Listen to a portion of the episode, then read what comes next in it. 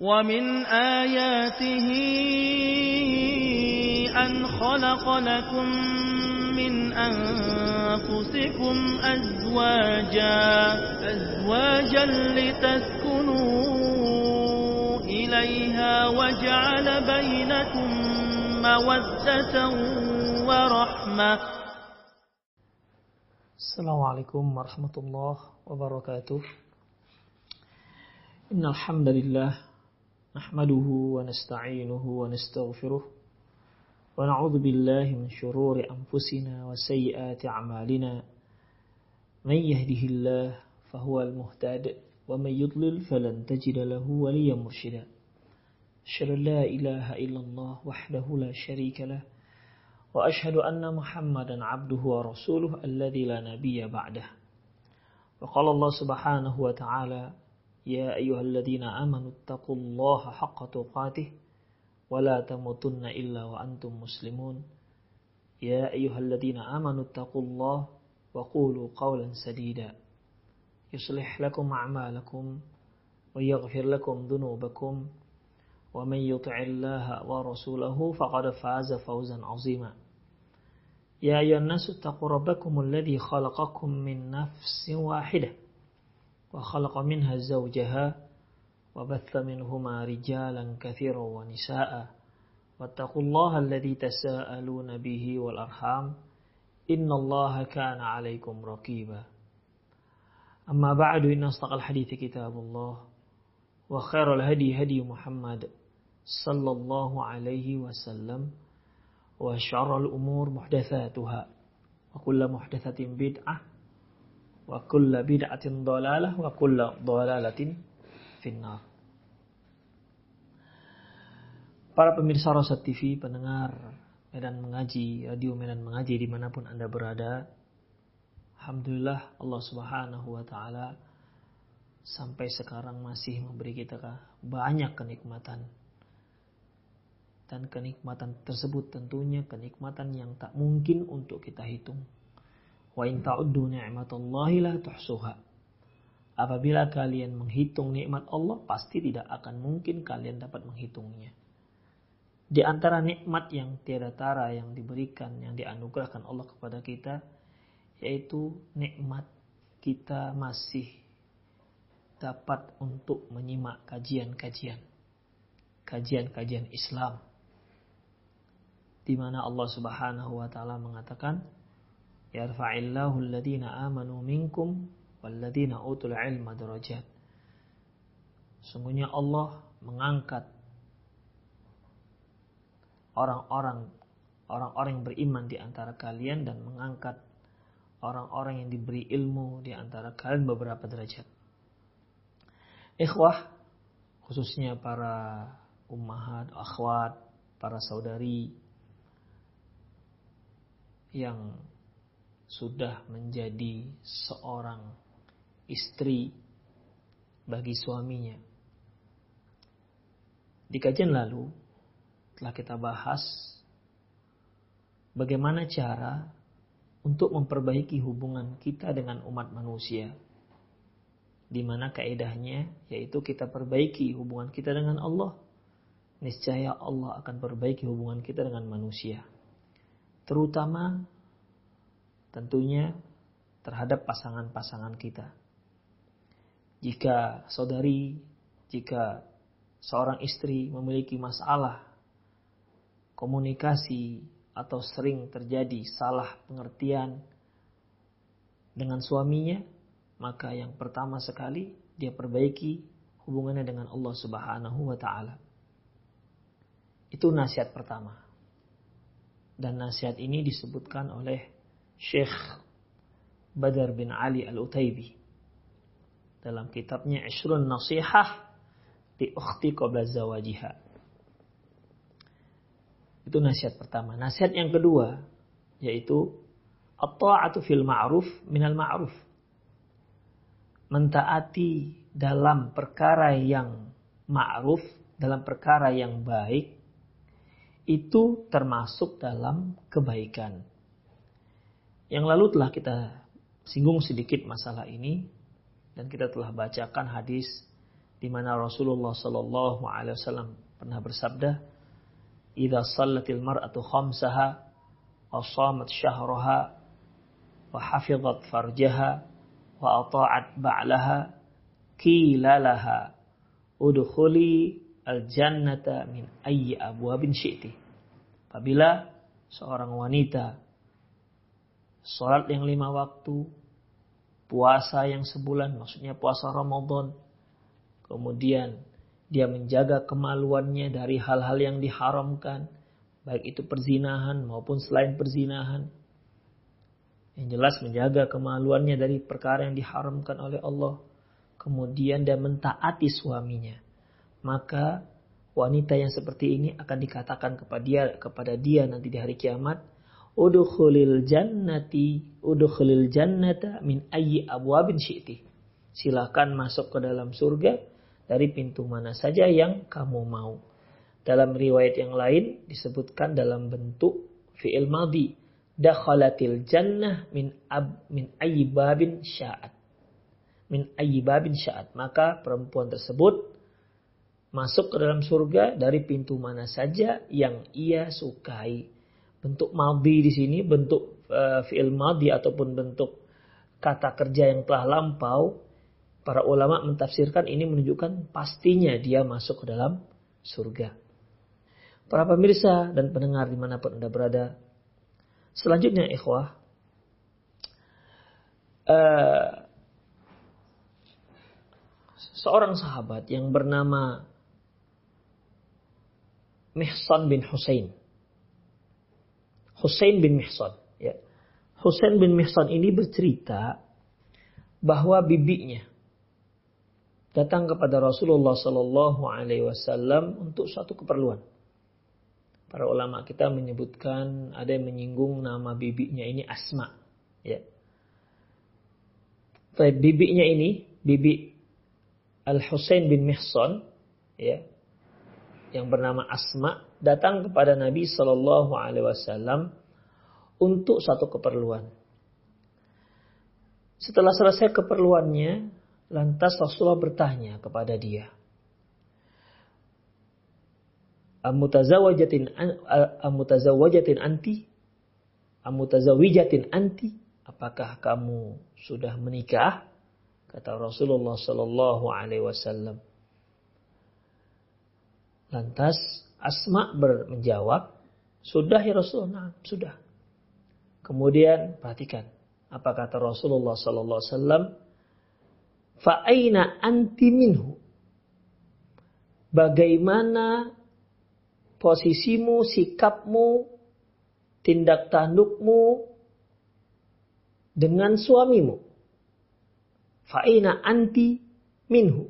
Ini pertanyaan, ya kamu itu bagaimana sikap kamu dengan suamimu? Ketaatan kamu dengan suamimu? Apa jawab bibi dari Al-Husain bin Mihsan ini Qalat dia berkata ma'aluhu illa ma'ajistu illa ma'ajaztu anhu. Aku tidak pernah mendurhakainya. Aku tidak pernah enggan melakukan perintahnya kecuali yang aku tidak sanggup melakukannya kecuali aku yang tidak sanggup melakukannya. Kemudian apa kata Rasulullah sallallahu alaihi wasallam? Fa kaifa antalahu fa innahu jannatuki wa naruki. Lantas Rasulullah menimpali bagaimana kamu dengan dia? Sesungguhnya itulah surgamu dan nerakamu.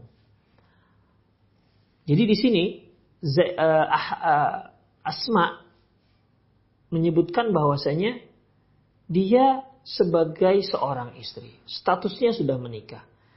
Dan dia senantiasa taat kepada suaminya. Apa saja yang diperintahkan oleh suaminya, maka dia akan mentaatinya. Kecuali yang tidak sanggup dia lakukan. Ya memang ikhwah, kan tidak semua perintah suami harus ditaati walaupun perintah tersebut uh, tidak bukan suatu hal yang mendurhakai Allah. Misalnya kalau ada suami yang mengatakan, "Dek, tolong panjat tuh genteng kita bocor." Ya, ini kan tentunya bukanlah kerjaan sang istri. Demikian. Kalau masalah perintah suami untuk berbuat maksiat itu sudah jelas ikhwafiddin. Ya, kita telah sebutkan bahwasanya la ta'ata fi makhlufi fi makhlukin fi ma'asiyatil khaliq. Innama ta'atu fil ma'ruf. Tidak ada ketaatan pada makhluk dalam rangka mendurhakai Allah Subhanahu wa taala. Sesungguhnya ketaatan itu hanya untuk kebaikan, bukan untuk kemaksiatan. Tapi ada yang bentuknya bukan maksiat, hanya saja tidak layak kalau seorang istri yang melakukannya. Demikian ikhwafiddin. Ya tentunya apabila sang suami menyuruh hal seperti itu kepada istrinya, seperti, dek, tolong korekkan paret kita itu sudah dangkal sekali, itu cangkolnya tuh, ha, ya Ya kalau sang istri tidak melakukannya, dia nggak berdosa. Dia nggak berdosa. Walaupun perintah untuk membersihkan parit di depan rumah itu bukan bukanlah tugas sang istri. Demikian ikhwafiddin. Ya seharusnya suami lah yang mengerjakannya, ya bukanlah sang sang istri. Ini tentunya ikhwah tergantung dengan uh, kebiasaan setempat. Ya, kebiasaan setempat. Ada yang satu satu tempat di mana satu pekerjaan itu layaknya dikerjakan oleh sang sang suami atau laki-laki. Tapi di tempat lain dikerjakan oleh istri. Nah, demikian. Ada satu tempat kerjaan tersebut dikerjakan oleh oleh suami, tempat lain dikerjakan oleh istri. Jadi ini kembali kepada kepada urfi. Ikhwah rahimani Allah wa iyyakum. Dan kata Rasulullah Sallallahu Alaihi Wasallam kepada Bibi Al Mihsan Al Husain bin Mihsan ini, fa innahu jannatuki wa naruki. Artinya taati suamimu. Karena suamimu adalah surgamu dan nerakamu. Apa yang dimaksud dengan surgamu dan nerakamu? Yaitu kamu bisa masuk ke dalam neraka gara-gara dia, karena dia. Dan kamu juga bisa dan dia juga bisa sebagai penyebab kamu masuk neraka dan kamu masuk surga. Jadi tinggal tinggal kamu memposisikan dirimu bagaimana.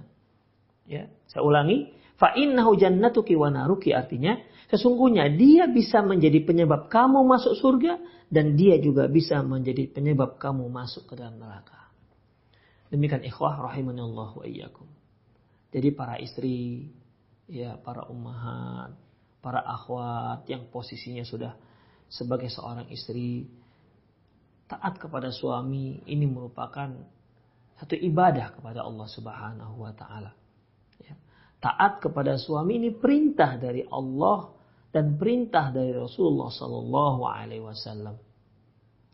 Kita lihat lagi hadis yang lain, ikhwah, hadis yang kita bacakan tadi diriwayatkan oleh Imam Ahmad dan Imam Nasai. Kemudian Warawa Al-Bazzar an Aisyah. Al-Bazzar meriwayatkan dari Aisyah radhiyallahu anha qalat Aisyah berkata, "Sa'altu Rasulullah sallallahu alaihi wasallam ayyun nasi a'zamu haqqan 'alal mar'ah?" Ya Rasulullah, wahai Rasulullah, uh, siapakah yang paling berhak, yang paling besar haknya terhadap sang terhadap seorang wanita? siapakah yang paling besar haknya terhadap seorang wanita? Qal beliau mengatakan zaujuha suaminya. Tentunya wanita yang dimaksud di sini adalah wanita yang sudah bersuami. Jadi kalau kita artikan begini, kalau mar'ah itu kan artinya wanita. Wanita itu ada yang sudah bersuami, ada yang belum. Jadi kalau kita lihat konteks konteks dari hadisnya, kita terjemah begini. Ya Rasulullah, siapa yang paling besar haknya terhadap seorang istri? Nah, begitu. Ya. Siapa yang paling besar haknya terhadap seorang istri? Maka Rasulullah mengatakan zaujuha suaminya. Ya, suaminya. Jadi bagaimana dengan orang tuanya? Enggak. Seorang wanita jika dia sudah menikah maka suaminya lebih berhak terhadap dirinya ketimbang ayahnya, ketimbang ibunya, ketimbang pamannya, dan ketimbang kerabat-kerabat yang lain. Suaminya lebih berhak terhadap dirinya. Oleh karena itu bagi seorang istri, saudariku, uh, hendaklah mengetahui hal ini. Ya, hendaklah mengetahui hal ini supaya bisa dia menimbang-nimbang. Ya. Kan bisa saja terkadang benturan antara keinginan orang tua dengan keinginan suami. Mana ini yang harus didahulukan? Padahal kan orang tua itu juga wajib untuk ditaati. Tapi dalam masalah ini, apabila berbenturan antara keinginan suami dengan keinginan orang tua, maka kalau dia sebagai seorang istri, dia wajib mendahulukan keinginan sang suami. Demikian ikhwah. Ya. Suami lebih didahulukan ketimbang orang tua. Begitulah seorang wanita. Kalau kita punya anak wanita, anak perempuan yang sudah menikah, ya, yang sudah menikah, jangan kita benturkan, jangan kita benturkan keinginan kita dengan keinginan suami anak kita. Dia nanti akan menjadi dilema, itu menjadi dilema dalam hatinya. Ya Allah gimana ini? Ibu saya menginginkan ini sementara suami saya menginginkan ini.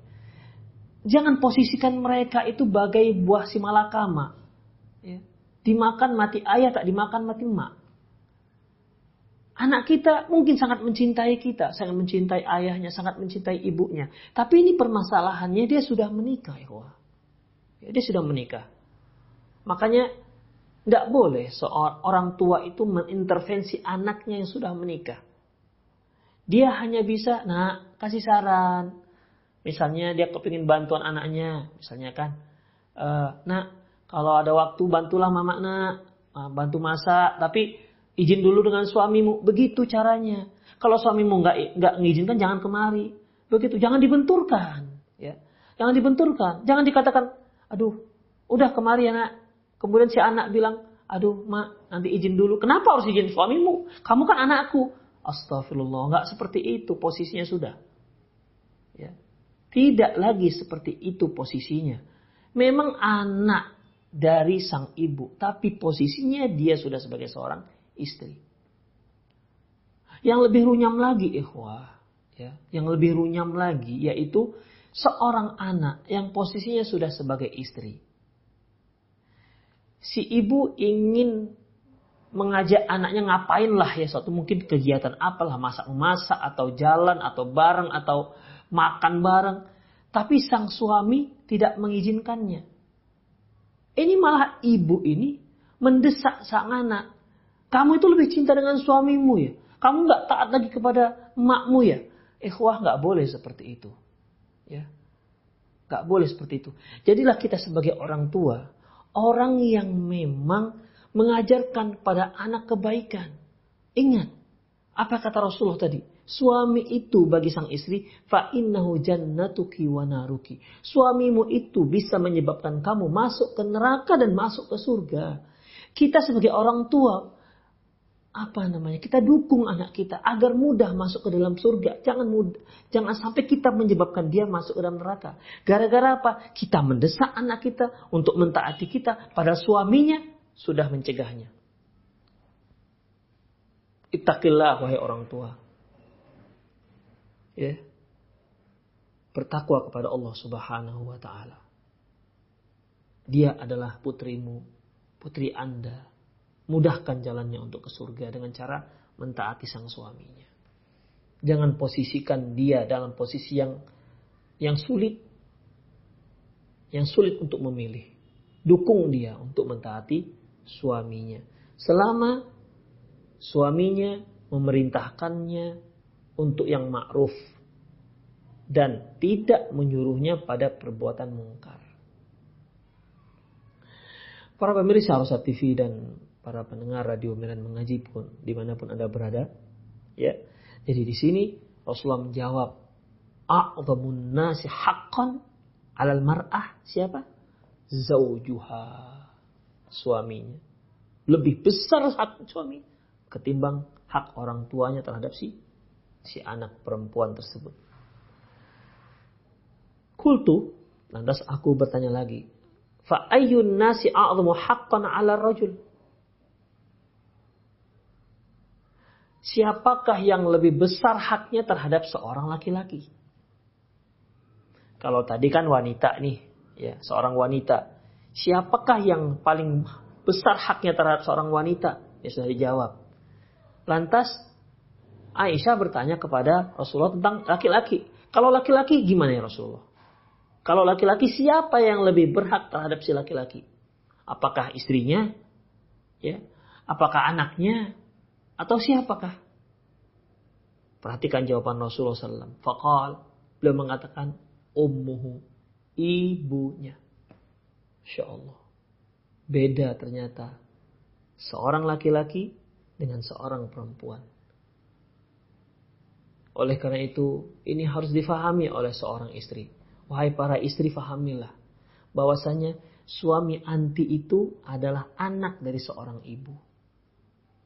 Janganlah anti menjadi penyebab putusnya hubungan antara dia dan ibunya. Ingat, kalau gara-gara anti putus hubungan antara sang suami dengan ibunya, maka itu salah satu penyebab anti terprosok ke dalam neraka. Dan jangan, jangan posisikan sang suami harus memilih antara istri dan orang tua. Jangan. Ingat, yang paling berhak terhadap diri seorang laki-laki adalah ibunya. Dan wahai saudariku ingat juga bahwasanya istri bisa putus dalam syariat kita. Bisa putus. Dengan dengan jatuhnya talak putus. Tapi tidak ada kata putus dengan ibu kandung. Ingat itu. Tidak ada kata putus dalam ibu kandung. Makanya seorang istri ya harus paham dalam masalah ini. Dia posisinya sebagai seorang istri. Sementara wanita ini adalah ibu dari suaminya. Yang nggak mungkin bisa diputus. Suami itu, dia mudah masuk ke dalam surga dikarenakan ibunya. Istri mudah ke surga dikarenakan suaminya. Jadi jangan sampai ada konflik antara istri dan mertua ataupun ibu daripada sang suami. Demikian luar biasa. Ya. Kenapa Rasulullah SAW menyebutkan hal ini, ikhwah? Ya. Agar kaum muslimin setelah menikah jangan melupakan ibunya. Jangan sampai melupakan ibunya. Ada rumah tangga-rumah tangga. Setelah dia menikah, apalagi menikahnya di rantau, dia lupa dengan ibunya yang ada di kampung. Setelah dia berada kaya raya, dia lupa dengan ibunya di, kan, di kampung. Lupa dia kembali melihat ibunya di kampung. Lebih parah lagi istrinya yang menyebabkan dia lupa dengan ibunya yang ada di kampung. Bahkan kalau bisa diputus saja. Kenapa? Karena ibunya kampungan. Astagfirullah. Ini durhaka.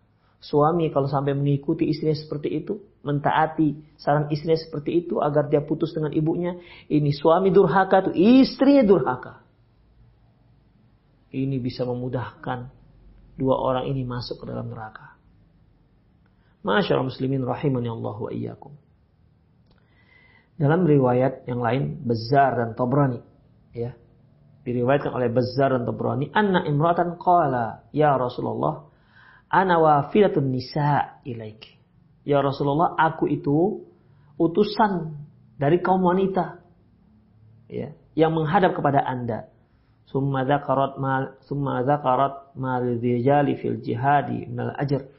Lantas wanita ini pun menyebut-nyebut tentang bagaimana besarnya pahala kaum laki-laki, pahala jihad, kemudian dapat ghanimah. Semua qalat, kemudian dia berkata, "Famalana min dalik." Terus kami bisa nggak mendapatkan pahala yang seperti itu, pahala jihad? Karena memang jihad itu diwajibkan dalam Islam itu untuk kaum laki-laki, perempuan gak wajib. Tapi memang eh, pahala jihad itu luar biasa. Ya, pahala jihad itu luar biasa. Ketika seorang tewas dalam jihad fi sabilillah litakuna kalimatullah ya untuk meninggikan kalimat Allah dan dia tewas dalam pertempuran tersebut. Memerangi orang-orang kafir. Kafir harbi. Orang kafir memerangi kaum muslimin. Ya. Apa kata Rasulullah sallallahu alaihi wasallam keutamaannya ketika darahnya mengalir di situ langsung dihapuskan dosa-dosanya. Kemudian dia akan dinikahkan dengan bidadari. Kemudian ini yang luar biasa ini ikhwah. Dia akan diberi hak untuk memberi syafaat 70 orang dari kerabatnya. Allahu Akbar, luar biasa. Jadi wanita ketika melihat seperti itu, ya Rasulullah kami juga mau loh. Ya, kami juga mau ganjaran seperti itu. Terus tapi kan kami nggak nggak wajib jihad. Kami juga ingin itu bagaimana ya Rasulullah. Kami nggak mau kalah dengan kaum laki-laki. Ya, dan memang ikhwah kalau kita lihat pertanyaan luar biasa ini. Apabila seorang mau pergi perang, ikhwah, itu kan yang menyediakan tasnya, yang menyediakan bontotnya, yang menata apalagi pakaian-pakaiannya. Itu kan kaum wanita, ini kaum ibu-ibu. Ya, kaum ibu-ibu. Sama lah seperti seorang seorang suami kalau dia mau pergi safar untuk bekerja atau untuk umroh atau apalah ya, ya dia pergi sendiri. Ini pasti yang menyiapkan itu istri. Terkadang istri punya checklistnya dia apa yang perlu diperlukan oleh suami ketika safar apa yang diperlukan oleh suami. Kalau suami bisa saja kalau dia ngurus bisa, tapi ketika sampai di tempat safarnya ada saja yang kelupaan, lupa inilah lupa itulah. Tapi sang istri masya Allah luar biasa. Itulah hebatnya kaum wanita. Memang itu tugas mereka. Ya. Seorang suami mau pergi jihad. Yang di depannya itu surga. Terbunuh dia langsung surga. Kaum wanita menyatakan, loh kami juga yang menyiapkan kuda-kuda mereka. Kami yang menyiapkan bontotnya. Kami yang menyiapkan senjatanya. Kami yang menyiapkan pakaiannya. Kami. Terus kami apa dapatnya ya Rasulullah? Sementara kami nggak ikut perang. Luar biasa ini. Memang para sahabat dahulu ikhwah mereka nggak bertanya, gimana caranya agar dagang saya laku? Gimana caranya agar usaha sukses? Tak ke sana. Masya Allah. Yang mereka lombakan itu untuk mendapatkan akhirat. Makanya para ulama kita mengatakan, ya, makanya Rasulullah pernah mengatakan, apabila kamu melihat, afwan, ini hadis atau ucapan ulama ya, apabila kamu melihat ada seorang yang melomba kamu dalam masalah dunia, lomba dia dalam masalah akhirat. Begitu. Karena perlombaan dalam masalah dunia, perlombaan yang tidak ada finishnya. Tidak ada finishnya. Ingat hadis yang sering kita singgung-singgung. Laukana lebih di Adam wadiyani minad dhahab la ahabba ayyakuna wadiyan talithan. Seandainya seorang anak Adam memiliki dua lembah yang isinya penuh dengan emas, dia ingin mendapatkan lembah yang ketiga. Falayyam laufah illa turab. Mulutnya nggak akan pernah penuh kecuali dengan dengan tanah. Itu dia. Ya. Kalau kita berlomba untuk dapatkan dunia. Tak ada habis-habisnya. Tak pernah puas-puasnya. Ya. Kalau ada orang yang gak pernah puas dengan dunianya, ini dikarenakan apa ikhwah? Karena hammuhu lid dunia. Targetnya hanya untuk dunia. Seperti hadis yang pernah kita kita singgung. Kemudian ikhwah rahimani Allah wa iyyakum. Famalana min dalik. Ya Rasulullah, terus kami itu dapat apa? Qal faqala sallallahu alaihi wasallam. Lantas Rasulullah sallallahu alaihi wasallam bersabda, "Ablighi man laqiti minan nisa." Kabarkan kepada seluruh wanita yang kamu ketemu, yang kamu jumpai, anna ta'ata zauji wa'tirafan bihaqqih ya'dilu dzalika. Bahwasanya mentaati suami dan mengakui hak suami tersebut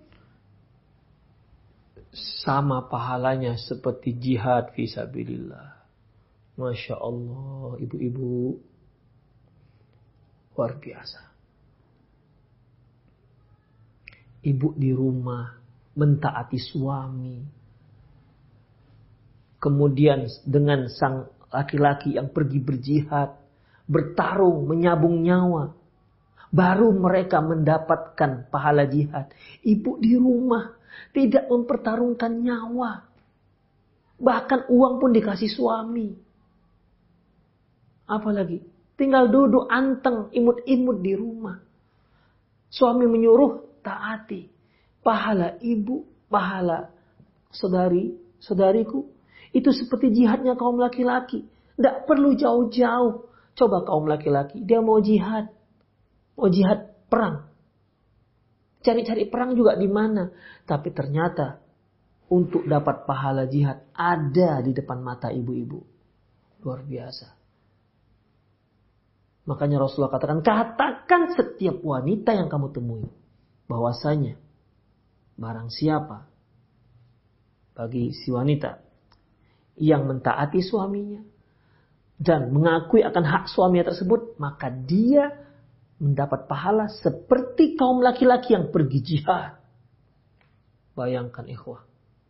Laki-laki itu kalau pergi jihad, itu pakai pun ada rasa takut. Karena apa? Ya siapa yang nggak takut? Nyawa bakal terancam nyawanya. Siapa? Tapi kaum ibu-ibu Allahu Akbar, subhanallah. Mudah dah didapatkan itu. Di rumah. Tidak perlu takut. Tak perlu terancam nyawa. Oleh karena itu ikhwah, ya, khususnya para istri, cobalah renungkan ucapan Rasulullah SAW ini. Tapi apa kata Rasulullah di akhir hadis? Wa qalilum minkum mayaf'alu. Tapi sayangnya sedikit sekali para istri itu melakukannya. Astagfirullah. Dan memang iya. Memang iya.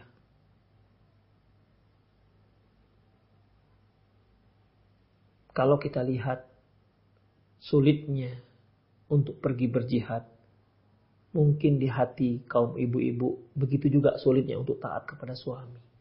Mungkin begitu, Allah alam.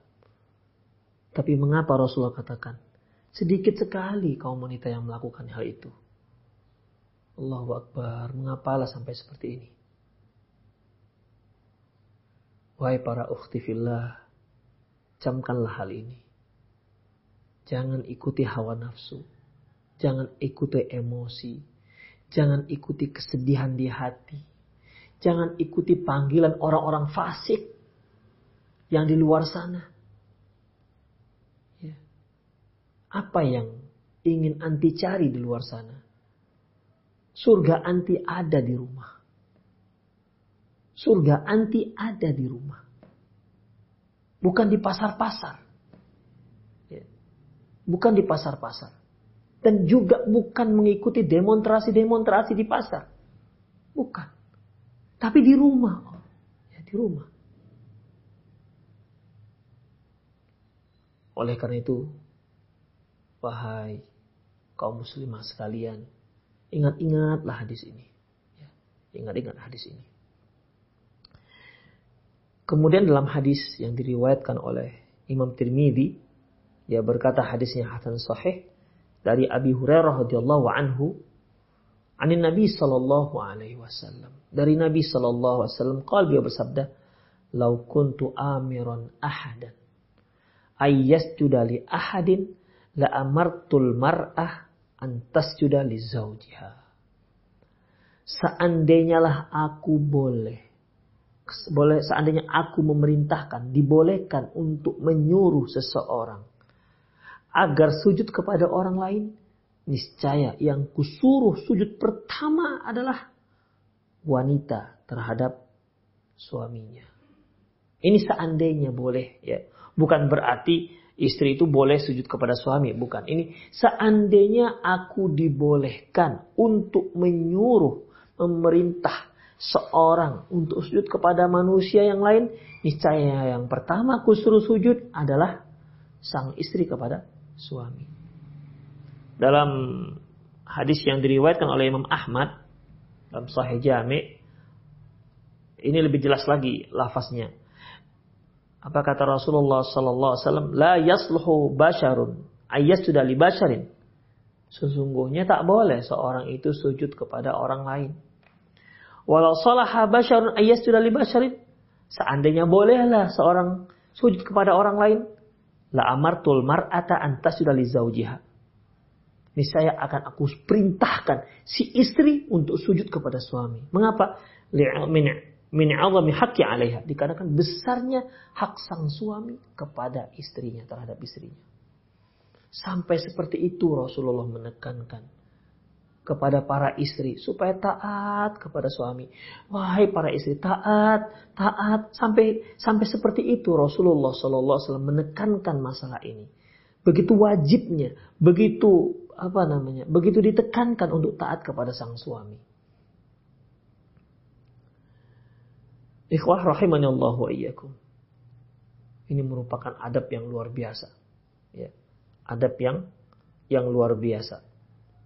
Tentunya ikhwah sekali lagi bahwasanya taat yang dimaksud di sini yaitu selama sang suami menyuruh untuk berbuat yang tidak melanggar perintah Allah. Maka istri wajib untuk mentaatinya. Selama sang suami tidak menyuruh perkara yang melanggar syariat Allah, maka sang suami, sang istri wajib untuk mentaatinya. Walaupun hukum asal daripada perintah perbuatan yang diperintahkan suami itu perintahnya mubah seperti ini. Seorang wanita dia kalau ada keperluan keluar rumah, misalnya ke depan rumah perlu depan rumah ada eh, apa namanya ya, ada kedai jual-jual sayur, ya dia boleh, hukumnya boleh dia keluar rumah untuk beli sayur untuk buat sarapan, ya karena bukan safar.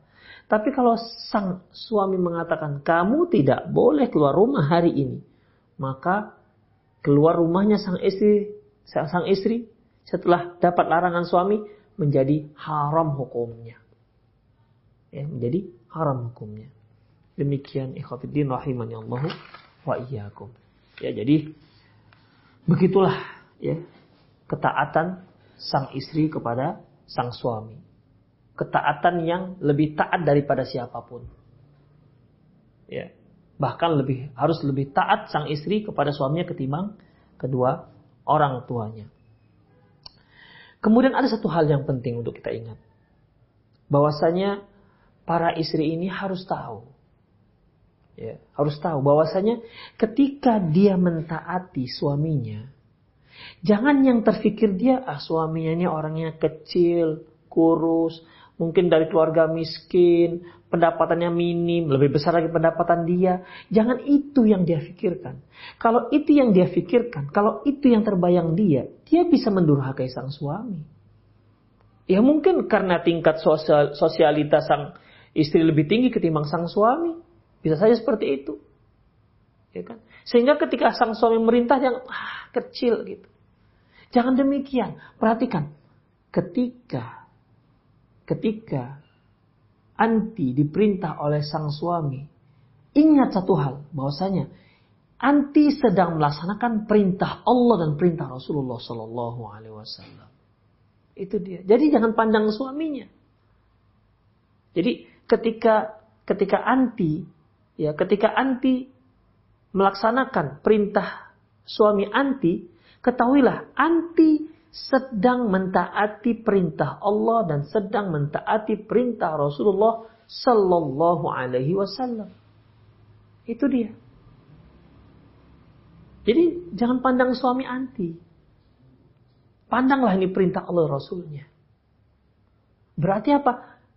Anti sedang melakukan sebuah ibadah. Ya, sedang melakukan sebuah ibadah kepada Allah Subhanahu wa taala melalui taatnya kepada sang suami. Demikian ikhwah rahimani Allah wa iyyakum. Anti mentaati suami berarti anti sedang melaksanakan perintah Allah. Sedang merealisasikan perintah Allah dalam kehidupan kehidupan rumah tangga anti. Makanya wahai ukhti fillah rahimani Allah wa iyyakum. Ya. Taatlah kepada sang suami. Ada satu ungkapan Arab ya, yang banyak betulnya juga ya ungkapan ini. Apa apa katanya? Ya. Kuni lahu amada. Yakun lah yakun laki abadan. Jadilah kamu hamba sahaya bagi suamimu, maka suamimu akan menjadi hamba sahaya bagi dirimu. kuni lahu amatan yakun laki abdan. Jadilah kamu hamba sahaya bagi suamimu, maka suamimu akan menjadi hamba sahaya bagi dirimu. Apa maksudnya ikhwah? Begini, seorang istri yang taat kepada suaminya, bagaimanapun sebagai seorang istri yang cerdas, pasti akan kagum dengan istrinya, semakin sayang dengan istrinya. Otomatis apa yang diinginkan istrinya itu akan di, diperkenankan oleh sang suami jika memang suaminya sanggup. Ya. Kalau hanya sekedar beli ini beli itu, ya suaminya punya uang, dia akan berikan. Kenapa? Dia lihat, masya Allah, istrinya solehah yang luar biasa. Tidak pernah dia mengecewakan sang suami. Perintahkan apa saja nggak pernah katakan tidak. Masya Allah. Ya, selalu mata matanya senang melihatnya, akhlaknya juga masya Allah ketika melihat akhlak sang istri, tenang hatinya, Istri seperti ini, ikhwah. Kalau dia minta apa saja, saya kira suami ini pasti memberikannya. Apa saja. Ya asalkan tentunya yang di, dibawa kesanggupan sang suami. Saya yakin itu. Itu itu sudah hukum alam. Ya. Umumnya begitu. Saya ulangi, seorang istri kalau dia taat pada suaminya, ya, dia soleha, akhlaknya bagus, itu otomatis suaminya pasti sangat sayang dengan dia.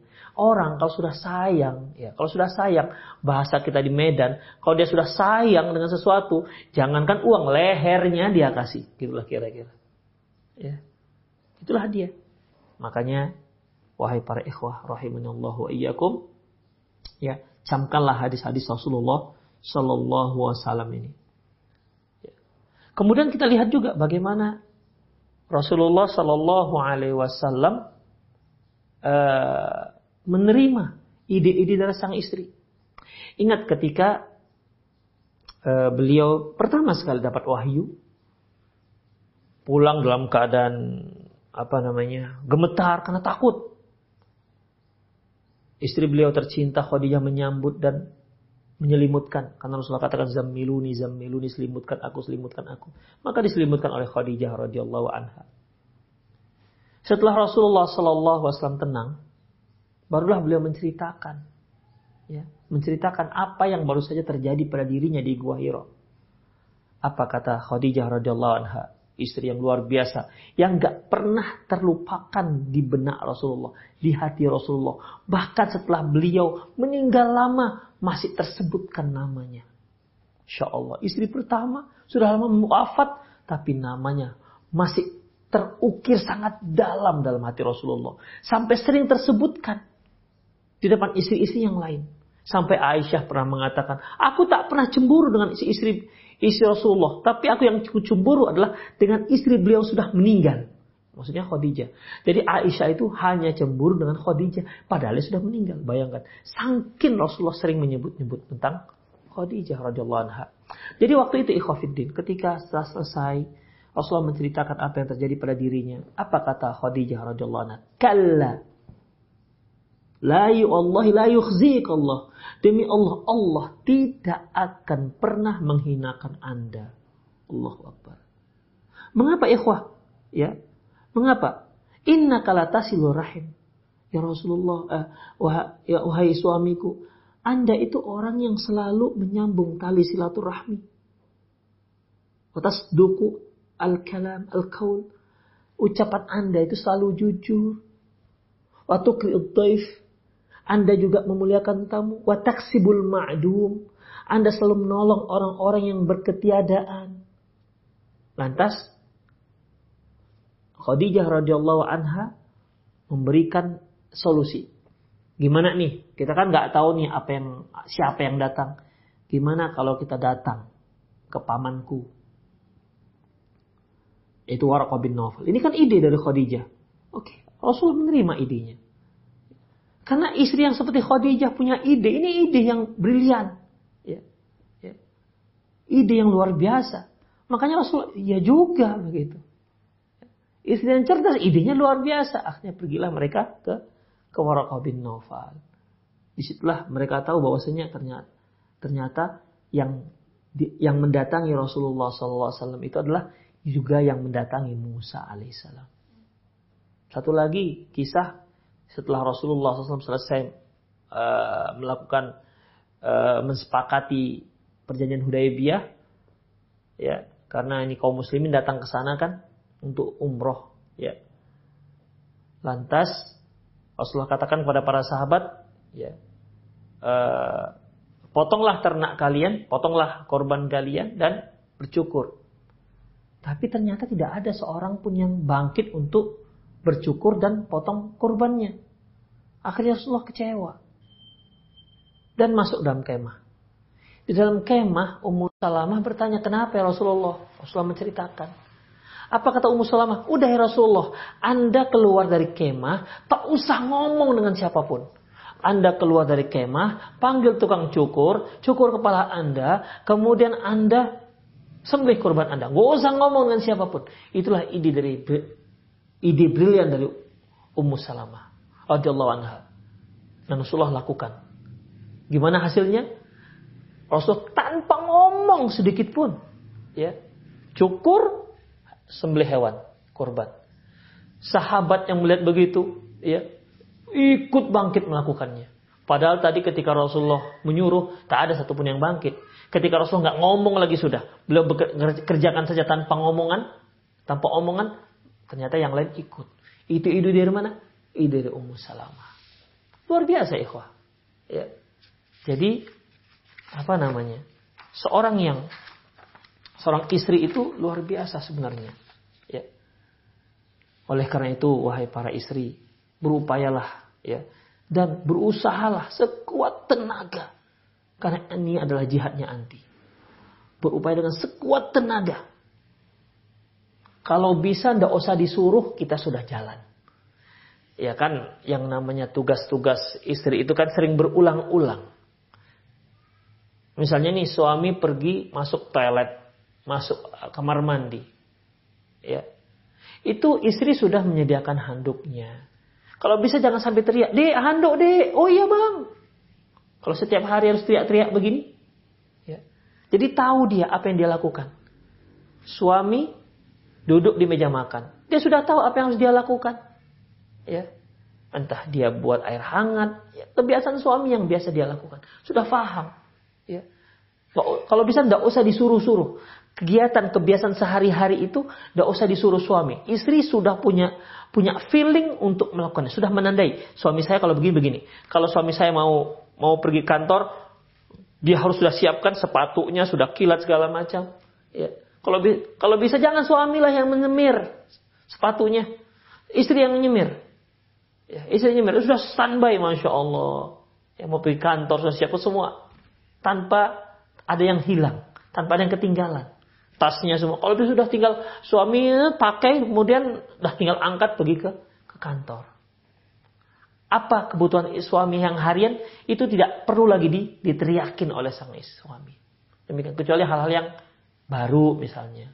Kalau bisa berbuat seperti itu ikhwah rahimanallahu wa iyyakum. Jadi tahulah sang istri uh, mana yang disukai suami, ya mana yang tidak disukai suami. Demikian. Misalnya sang istri tidak usahlah dia cerita tentang mantannya. Itulah parahnya kalau sudah punya pacar. Dulu bang mantan saya bang begini begini Allahu Akbar itu sering buat buat sakit hati sang suami. Ya, sering buat terluka hati suami. Suami juga seperti itu sebenarnya. Kalau dia dulu pernah di masa apa ya masa jahiliyah lah kita katakan ya.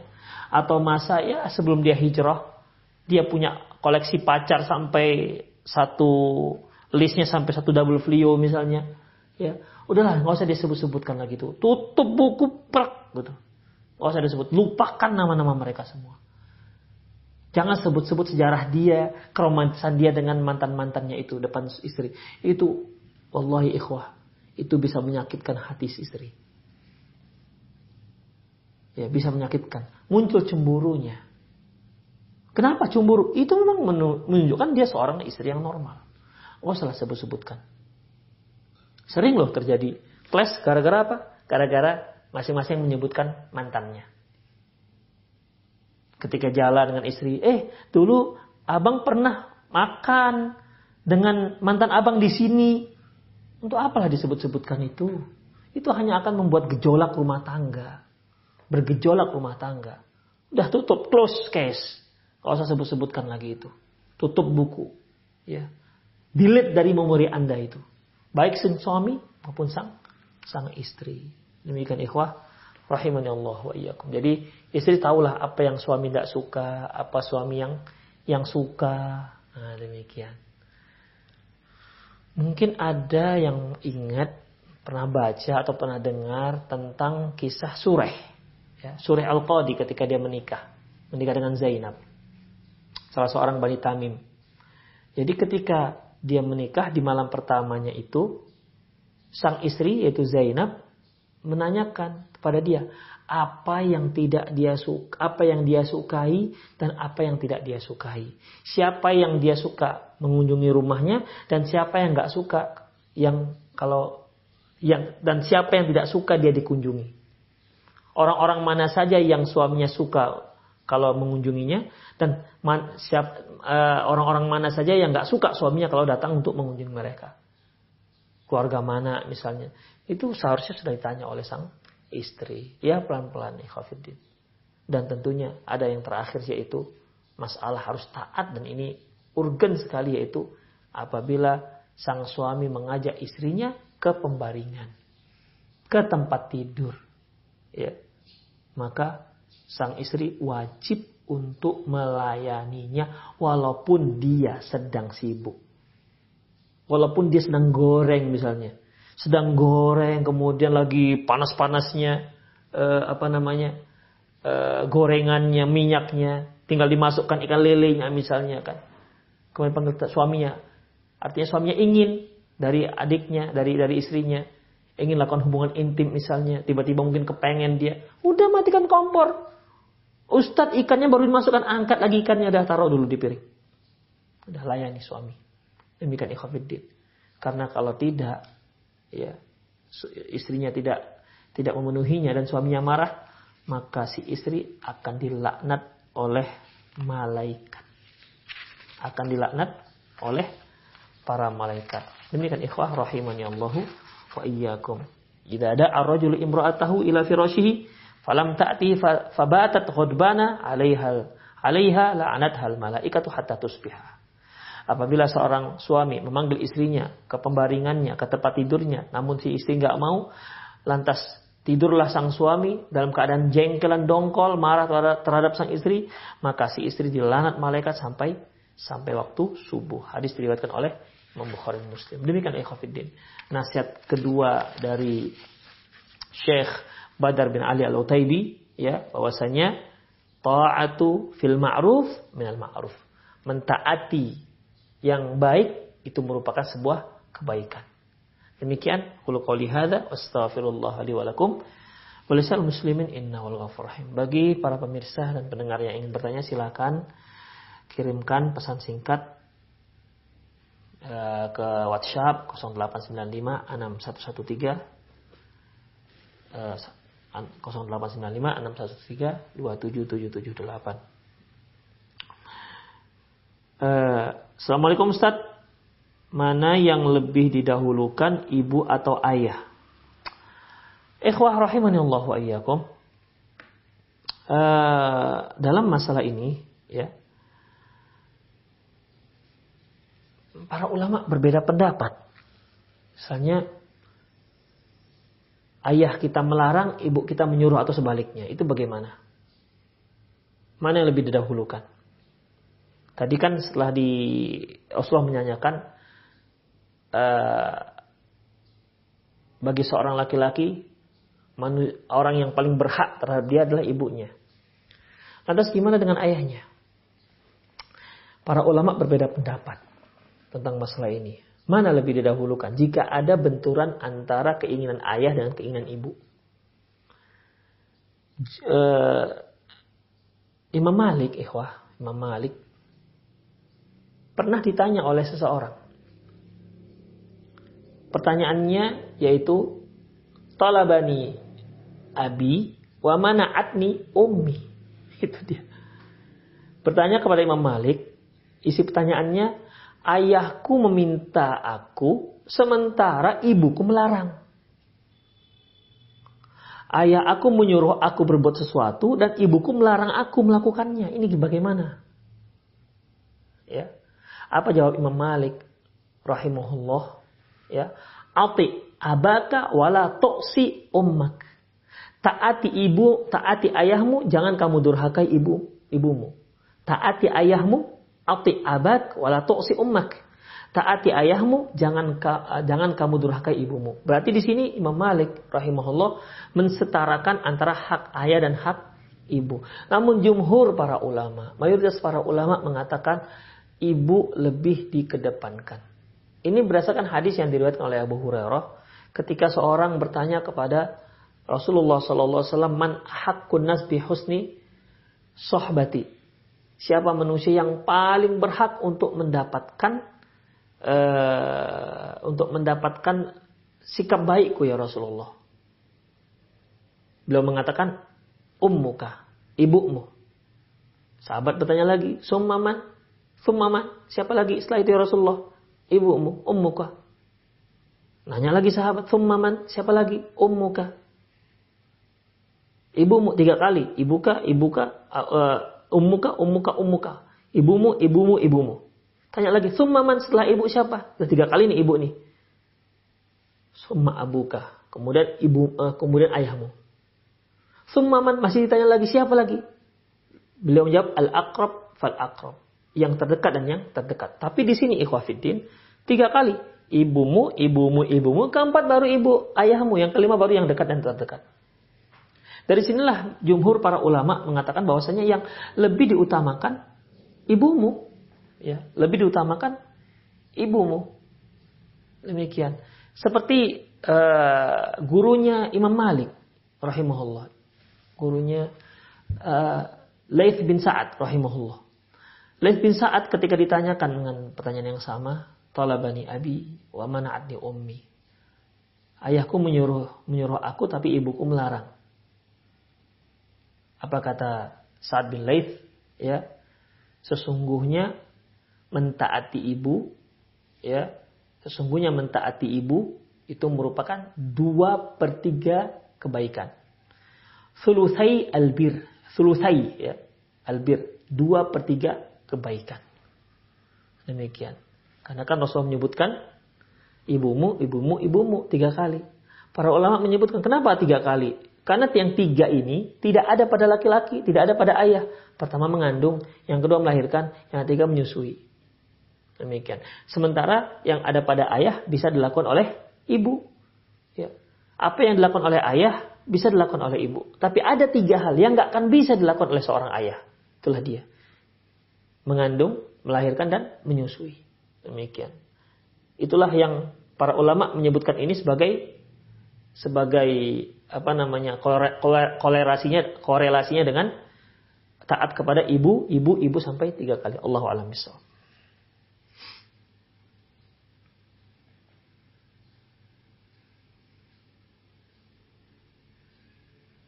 Bismillah semoga Allah selalu menjaga Ustadz dan keluarga amin. Ustadz izin bertanya. Insya Allah saya akan nazar, tapi dari pihak akhwat kemungkinan hanya ditemui ditemani ibunya dan tidak dengan ayahnya karena kesibukan beliau. Apakah tidak mengapa jazakallah khair? Enggak apa-apa ikhwah. Enggak apa-apa. Ya. Yang penting di situ jangan ada khalwat. Yang penting jangan ada khalwat. Boleh. Sebagaimana hukum nazar yang telah kita bahas di uh, edisi pranikah ya. Klinik pranikah. Gak apa-apa boleh.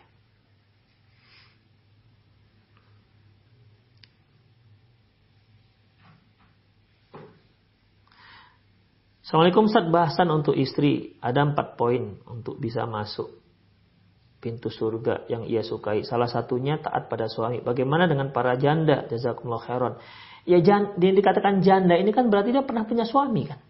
Iya, ketika dia punya, pernah punya suami, bagaimana dia dengan suaminya? Kalau dia waktu itu taat dengan suaminya dan suaminya meninggal misalnya, ya. Suaminya ridho dengan dia, maka dia masuk surga. Ayu mamra'atin matat wa zawjuha anha radin dakhatul jannah. Wanita mana saja yang meninggal sementara suaminya ridho pada dia, maka dia akan masuk ke dalam surga. Itu dia kalau dia janda. Kalau dia mau ingin lagi lebih, mantap. Ya nikah lagi dia dengan laki-laki yang lain. Dengan yang lebih soleh. Sehingga dia bisa melaksanakan kewajibannya sebagai istri. Bisa melaksanakan jihad berikutnya. Untuk mendapatkan pahala jihadnya kaum laki-laki. Menikah lagi dia. Demikian. Jika dia ingin lebih dari lebih lagi mendapatkan pahala tersebut dari yang sebelumnya. Assalamualaikum Ustaz, Ana mau bertanya bagaimana menghadapi mertua yang matre. Anda dan suami tetap ingin berbakti tapi kadang ada rasa nggak ikhlas karena permintaan yang mahal. Bagaimana itu Ustaz? Doakan kami Ustaz jazakumullah khair. Barakallahu fiik. Semoga Allah Subhanahu wa taala memberikan solusi dan taatlah kepada Allah serta bertakwalah kepada Allah karena Allah mengatakan wa may yattaqillaha ja'al lahu. Barang siapa yang bertakwa kepada Allah, Allah akan berikan solusi. Baik, berdoalah kepada Allah pertama yaitu agar Allah merubah sikap sang mertua atau ibu dari sang suami. Kemudian apabila memang orang tua suami meminta sesuatu yang lebih ya, meminta sesuatu yang lebih ya berikan saja kalau memang sanggup. Ya, kalau memang sanggup. Kalau nggak sanggup ya udah nggak apa-apa. La yukallifullahu nafsan illa usaha. Sungguhnya Allah Subhanahu wa taala tidak membebani seseorang kecuali yang sanggup dia lakukan. Kalau seandainya si suami tidak ingin memberikan permintaan sang ibu karena mungkin dilihat tidak ada maslahatnya kalau diberi. Jadi bagaimana?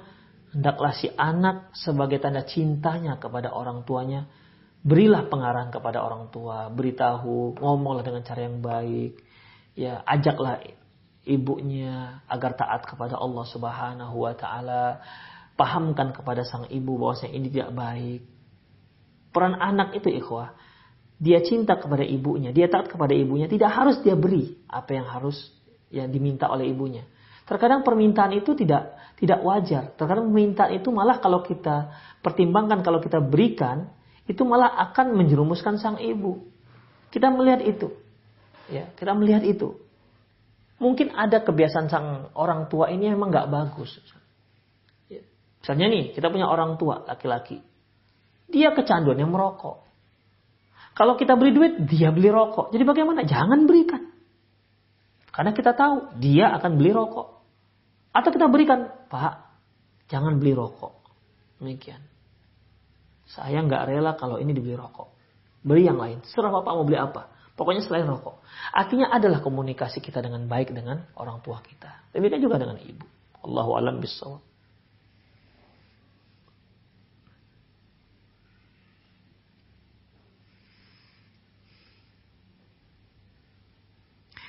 Assalamualaikum Afan Ustadz saya sudah mengaji bagaimana caranya kalau saya nanti sudah siap menikah agar dapat istri yang semanhat yaitu mantas salaf apa bisa jumpain Ustadz atau bagaimana syukur Ustadz Barakallahu Fik.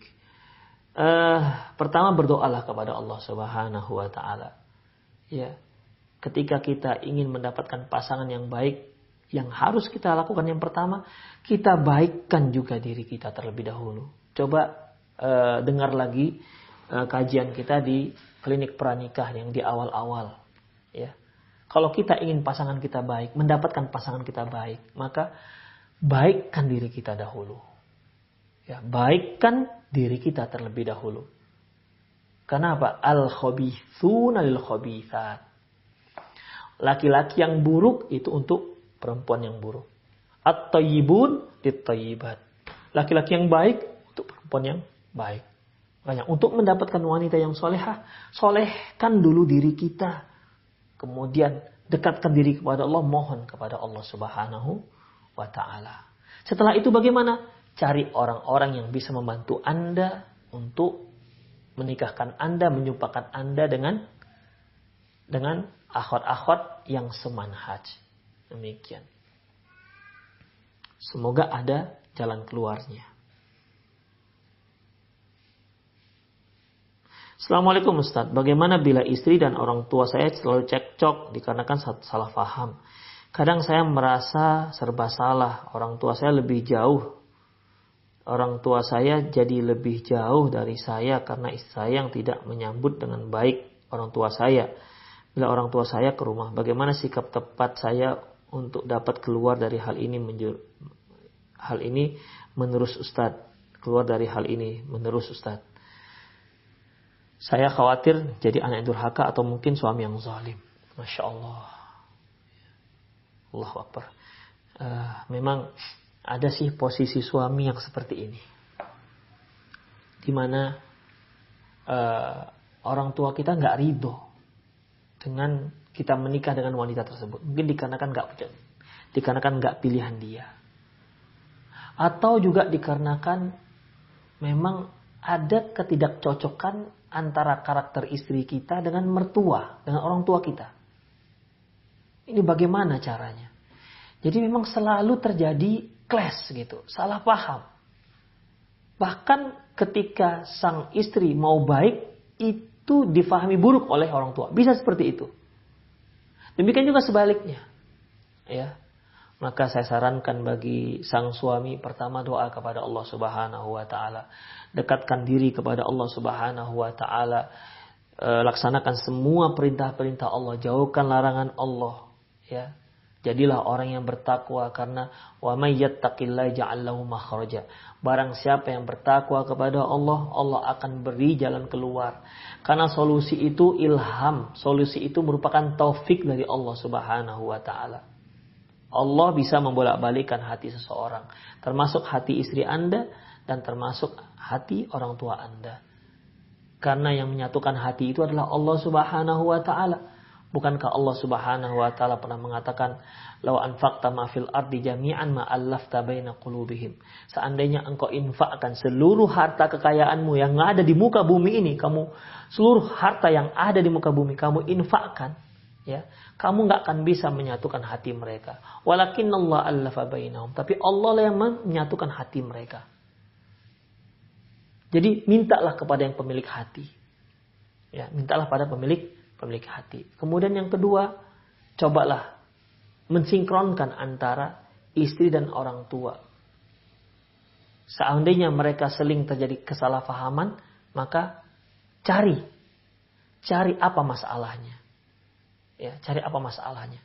Ketika Anda dengan orang tua Anda, mungkin dia menyalah-nyalakan istri Anda, cobalah tenangkan orang tua Anda. Ketika Anda bersama istri Anda, istri menyalah-nyalakan orang tua Anda, ya ibu Anda, coba tenangkan. Tenangkan sehingga bisa diajak berpikir dengan cara yang baik. Kalau bisa coba kali-kali bertiga ngobrol, apa sih masalahnya wahai ibu? Apa sih masalahnya wahai istriku? Apa masalahnya? Kenapa kita selalu seperti ini? Begitu. Ya kita dengan tulus, bukan seperti orang yang sedang menyidangi dua orang enggak, tapi kita ingin rumah tangga kita baik. Apalagi nanti anak kita melihat ibunya dengan neneknya selalu bermasalah ini kan tidak baik dalam untuk psikologi anak. Demikian Allah alam bisawab.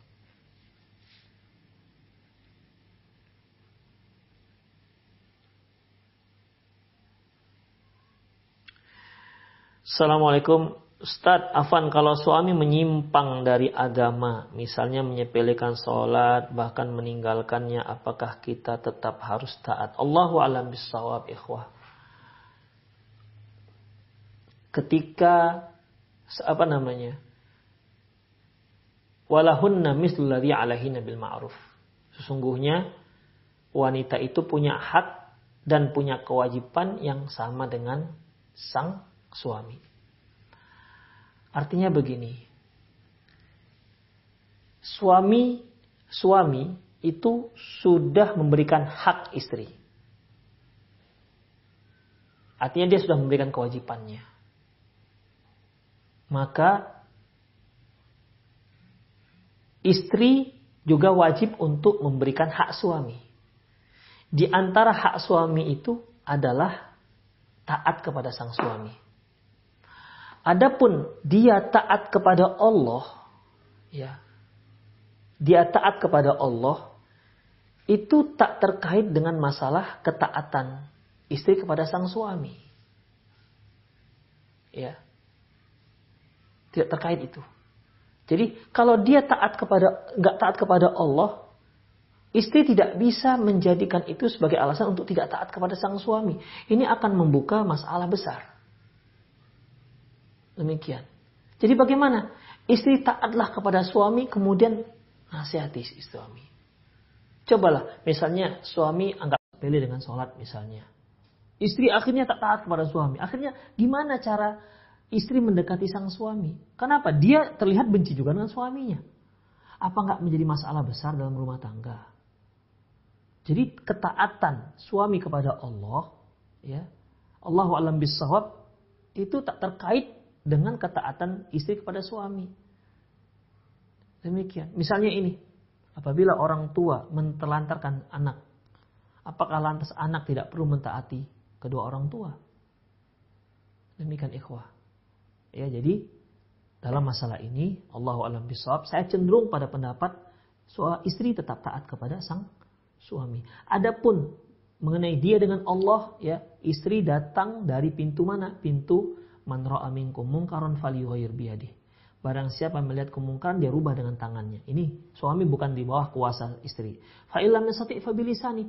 Kalau dia nggak sanggup dengan kuasanya maka dengan lisannya. Di sinilah peran istri untuk memperbaiki sang suami, untuk berdakwah kepada sang suami. Kalau dia tidak taat kepada suaminya, alasannya karena suami nggak taat kepada Allah, terus dari pintu mana dia bisa masuk untuk menasihati sang suami? Suami akan benci dengan istrinya. Kenapa? Gimana? Suami istri nggak taat Kalau seperti ini bisa jatuh pada bisa menuju pada perpecahan rumah tangga, perceraian. Demikian. Ya, jadi bagaimana ikhwah? Tetap istri taat dan terus menasihati sang sang suami. Ya, terus menasihati sang suami. Ingat wahai para istri, seandainya anti memberikan pengarahan satu kebaikan kepada sang suami dan itu dia lakukan Allahu Akbar. Dia ayah dia Allah bika rajulan khairul laka min humur na'am. Sungguh apabila engkau memberikan satu petunjuk Allah memberikan satu petunjuk kepada seseorang melalui kamu itu lebih baik ketimbang unta merah. Satu kebaikan ini dilakukan oleh sang suami. Lakukan, maka pahalanya mengalir kepada anti seorang istri. Apalagi terkait masalah sholat. Ini masalahnya kan sudah masalah terkait dari awal tidak pernah mempertanyakan apakah dia sholat apa tidak sholat atau sholat tapi jarang-jarang. Ya, ini resikonya kita berdakwah dahulu, ikhwah. Ya, berdakwah dahulu. Beda halnya kalau seandainya suami nggak sholat sama sekali. Kalau suami tak sholat sama sama sekali tak sholat, maka maka para ulama sepakat suami itu kafir.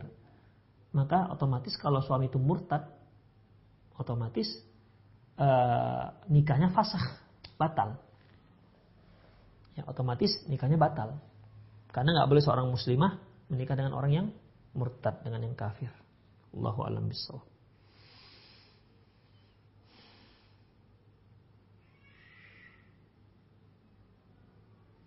Assalamualaikum Ustaz, bagaimana kalau jadi istri malu sama suami? Ya mungkin ada aroma yang bikin tidak pede. Jazakumullah khairan. Uh, masalahnya ini aroma mana ini yang nggak nggak pede?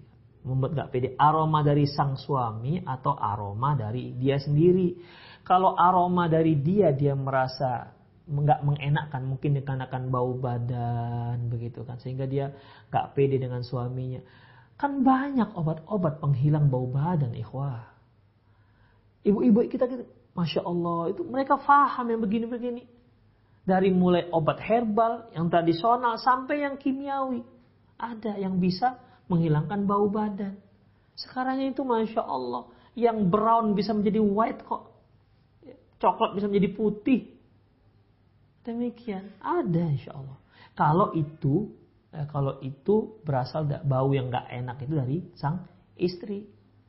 Jadi hilangkanlah bau yang gak bau, yang bau, yang tidak enak itu. Atau mungkin dia punya nafas yang gak, gak enak gitu ya.